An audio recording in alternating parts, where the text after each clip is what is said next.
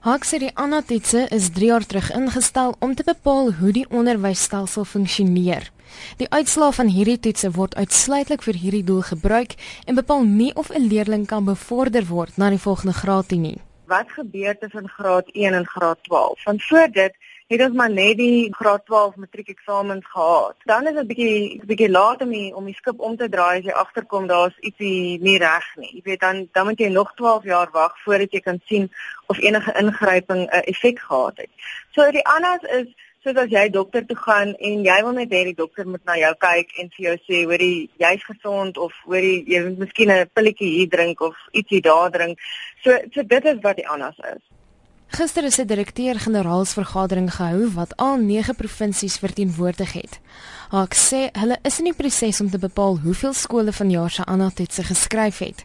Dit is moeilik om dadelik inligting te kry omdat die matriek se antwoordstelle by sekere skole nagesien word ons officials wat op die grond werk is ook dieselfde mense wat betrokke is met die matriekeksamens om seker te maak dat die, die vraestelle gemerk word. So dit vat 'n bietjie langer om die inligting te kry. Maar in terme van my eie persoonlike interaksie met met skole om my het ek nog nie een skool gekry wat nie geskryf het nie. Maar ons sal eers die finale getalle hê as ons die geverifieerde getalle van die provinsie self afkry want hulle is in die beste posisie om vir ons dit te gee. Sy sê dis 'n terugslag wanneer 'n skool nie die aanhaaltoetse skryf nie dit is vir ons diagnoseringstoetse sodat ons kan sien wat se ingryping in die stelsel moet plaasvind om die kwaliteit van onderwys beter te maak.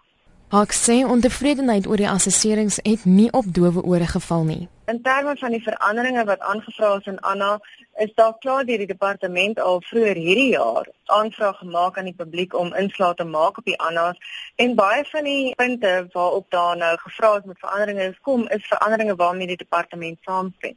Maar daar's prosesse, uh, jy weet wat moet plaasvind. Dit kan wees dat teen volgende jaar ons 'n uh, ander tipe Anna gaan sien of of 'n ander manier van Anna. Maar daai gesprekke en daai prosesse moet nog eers plaasvind voordat ons daai veranderinge sal kan bekend maak. Dit was die woordvoerder vir die departement van basiese onderwys, Sharnay Haak. Ek is Marlene Verschiefer, SABC nuus.